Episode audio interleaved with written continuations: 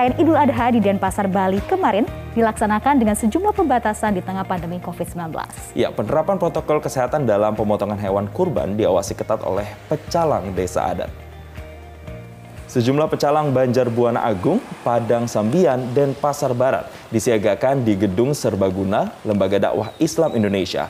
Seperti tahun sebelumnya pemirsa, pemotongan hewan kurban serta pengamanan adat, peran pecalang selalu disertakan.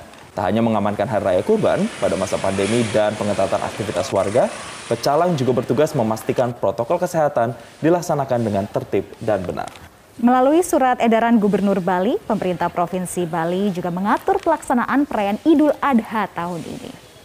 Dan bagi Anda yang mungkin sudah rindu nih jalan-jalan, mungkin Jason mm -hmm. juga mhm. sudah rindu, sekarang kita mengajak pemirsa jalan-jalan, tetapi lebih jauh lagi nih jalan-jalannya. Ini jalan-jalannya ternyata ke bulan pemirsa, menyusul Richard Branson yang lebih dulu menggapai luar angkasa pada 11 Juli lalu melalui Virgin Galactic Holdings. Giliran orang terkaya dunia Jeff Bezos yang menyusul dengan wahana Blue Origin-nya. Hmm, betul sekali, dan dirinya tidak mau kalah pemirsa dengan Richard Branson.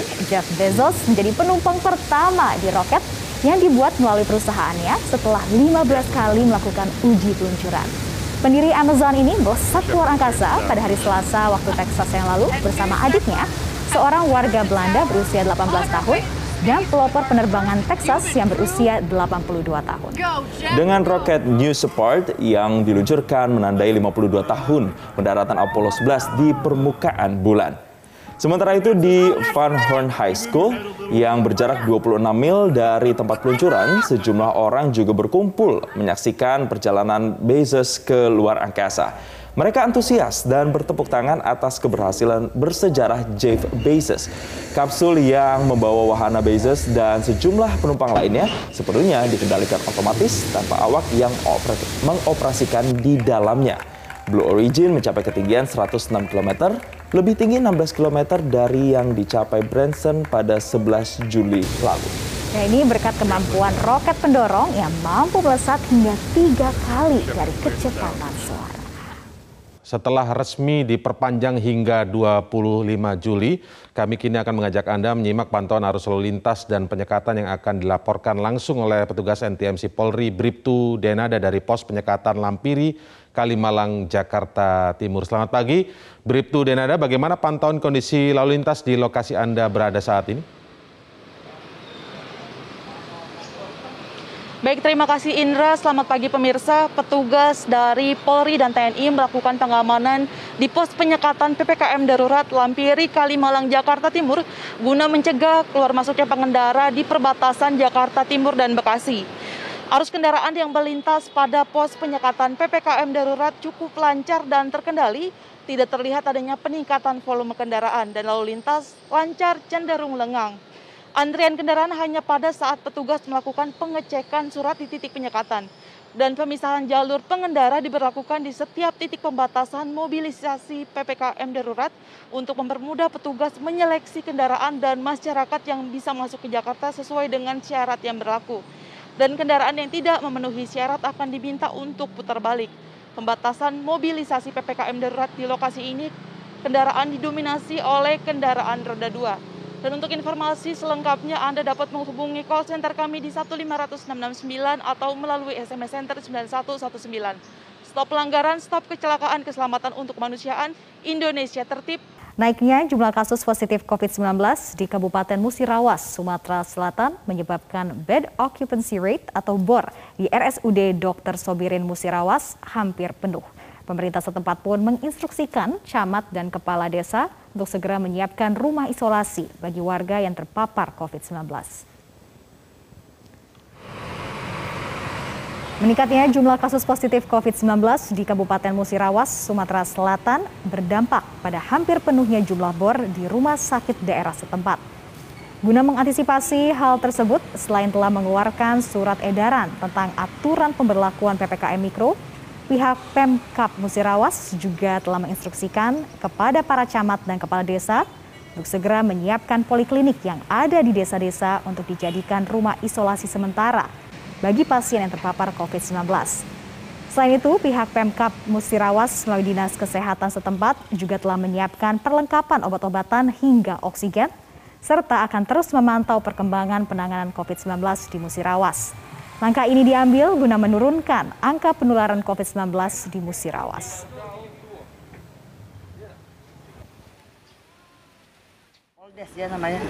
Nah itu kita akan kondisikan bisa menampung daripada orang ter- terpapar COVID dan juga kita siapkan galakan pengadaan obat-obat serta eh, oksigen kita pantau terus dari dinas kesehatan untuk persiapan kita agar melihat perkembangan COVID ini.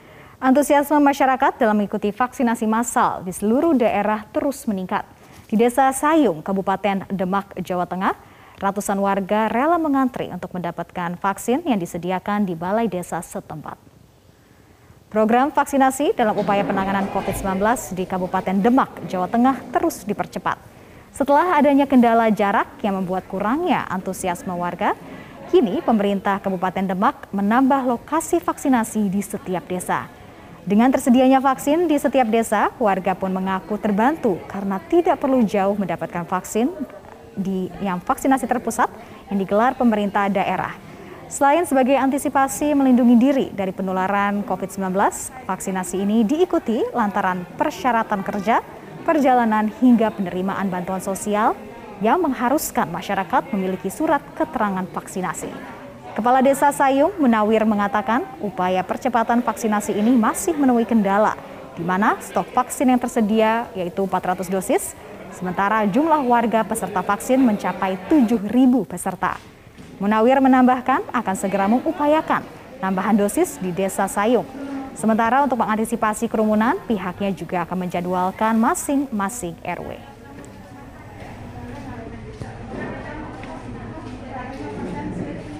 Harapannya ini, karena ini tinggi, nantinya kami akan uh, uh, mengajukan lagi untuk uh, vaksinasi untuk ke depannya.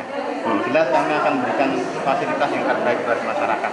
Kami pengajuan di 500 untuk vaksinasi akan tapi uh, uh, 400-an, 400 uh, dosis yang disediakan oleh uh, tenaga kesehatan.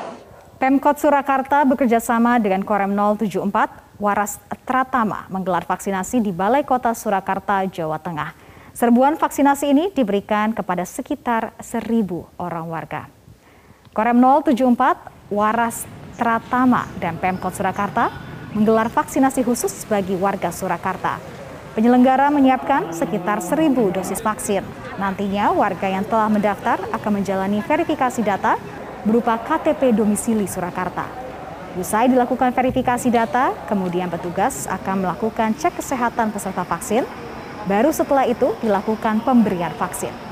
Peserta dijaring melalui masing-masing koramil kecamatan. Sasarannya yaitu adalah warga yang berusia di atas 18 tahun dan warga yang belum mendapatkan vaksinasi. Petugas gabungan masih melakukan penyekatan di Kalideres, Jakarta Barat untuk memastikan penegakan aturan pembatasan mobilitas warga sama PPKM darurat masih ditaati. Ya, untuk informasi selengkapnya akan dilaporkan Marcelina Tumundo langsung dari Kalideres, Jakarta. Kita langsung sapa, selamat pagi Marcelina. Marcel, seperti apa situasi di titik penyekatan pada pagi ini, terutama setelah ada perpanjangan di masa PPKM darurat?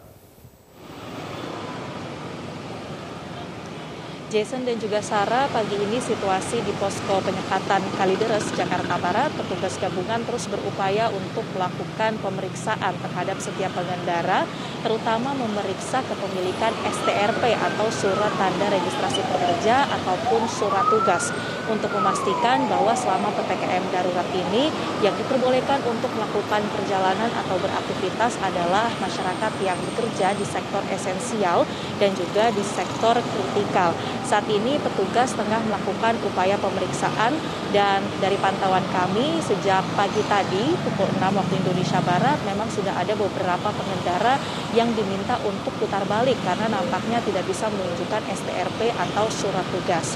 Dan selama PPKM darurat yang telah berlaku dari tanggal 3 Juli 2021 dan juga diperpanjang sampai tanggal 25 Juli nanti, dari pihak Satgas COVID-19 DKI Jakarta telah mendirikan sebanyak 100 titik penyekatan yang berada di wilayah Jakarta dan sekitarnya, mulai dari di titik perbatasan, kemudian di dalam kota, serta di jalan tol.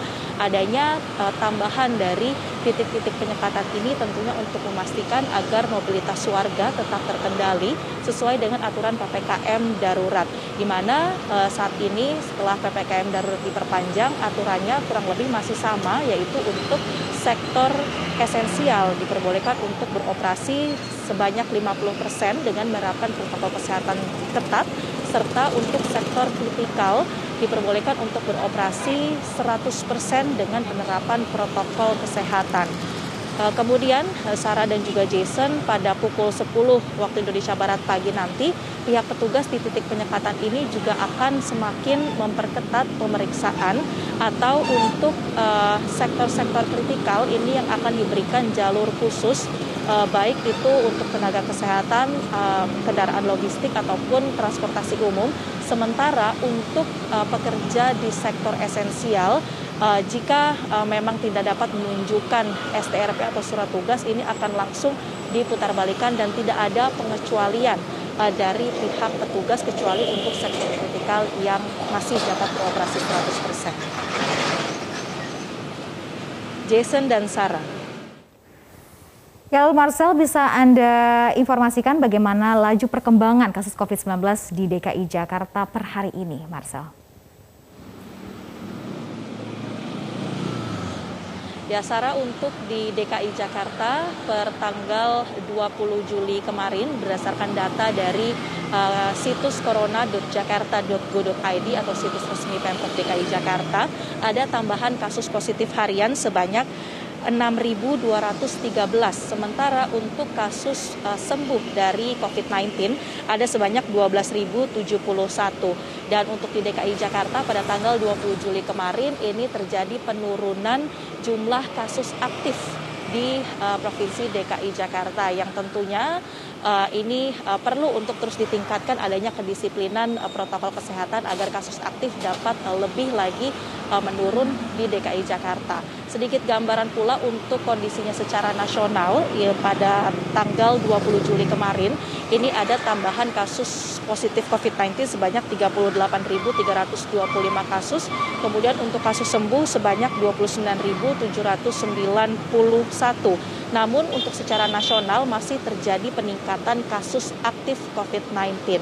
Eh, sehingga dari eh, pihak pemerintah uh, khususnya Presiden Joko Widodo yang telah mengumumkan bahwa PPKM darurat ini uh, masih akan berlangsung yang tadinya uh, diatur atau diselenggarakan sampai dengan tanggal 20 Juli. Akan tetapi pemerintah mengatakan bahwa PPKM darurat baru akan dilonggarkan secara bertahap tanggal 26 Juli mendatang dengan catatan sudah terjadi tren penurunan kasus positif COVID-19 sehingga dibutuhkan upaya dari seluruh pihak tentunya untuk dapat uh, menerapkan protokol kesehatan dan juga PPKM darurat ini uh, secara lebih disiplin. Kemudian terkait dengan perpanjangan PPKM darurat pula, pemerintah uh, juga telah menganggarkan adanya tambahan anggaran untuk uh, perlindungan sosial sebanyak 55,21 triliun rupiah yang akan disalurkan melalui beberapa program bantuan seperti BST, kemudian BLT Desa, program Keluarga Harapan, kemudian juga ada subsidi listrik yang diperpanjang, serta adanya bantuan kuota internet, serta insentif usaha untuk uh, pekerja usaha mikro sebanyak satu juta orang atau satu juta usaha mikro uh, dengan jumlah 1,2 juta rupiah per uh, usaha mikro. Kementerian ESDM telah menginstruksikan kepada perusahaan listrik negara PLN untuk melaksanakan program perpanjangan diskon tarif listrik hingga Desember 2021. Sebelumnya diskon listrik dijadwalkan berakhir pada September mendatang. Dirjen Ketenagalistrikan Kementerian ESDM Rida Mulyana mengatakan perpanjangan diskon tarif listrik bertujuan meringankan beban masyarakat di masa penerapan PPKM darurat. Diskon tarif listrik diberikan kepada 50 persen kepada pelanggan rumah tangga golongan 450 volt ampere dan 25 persen untuk pelanggan rumah tangga 900 volt ampere bersubsidi. Selain diskon tarif listrik, pemerintah juga membebaskan biaya beban sebesar 50 persen dan pembebasan penerapan ketentuan rekening minimum 50 persen.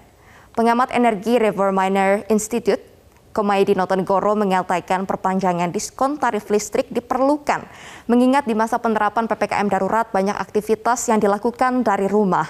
Di sisi lain, suplai listrik yang dimiliki PLN saat ini tergolong melimpah, sehingga harus diimbangi dengan bertambahnya konsumsi.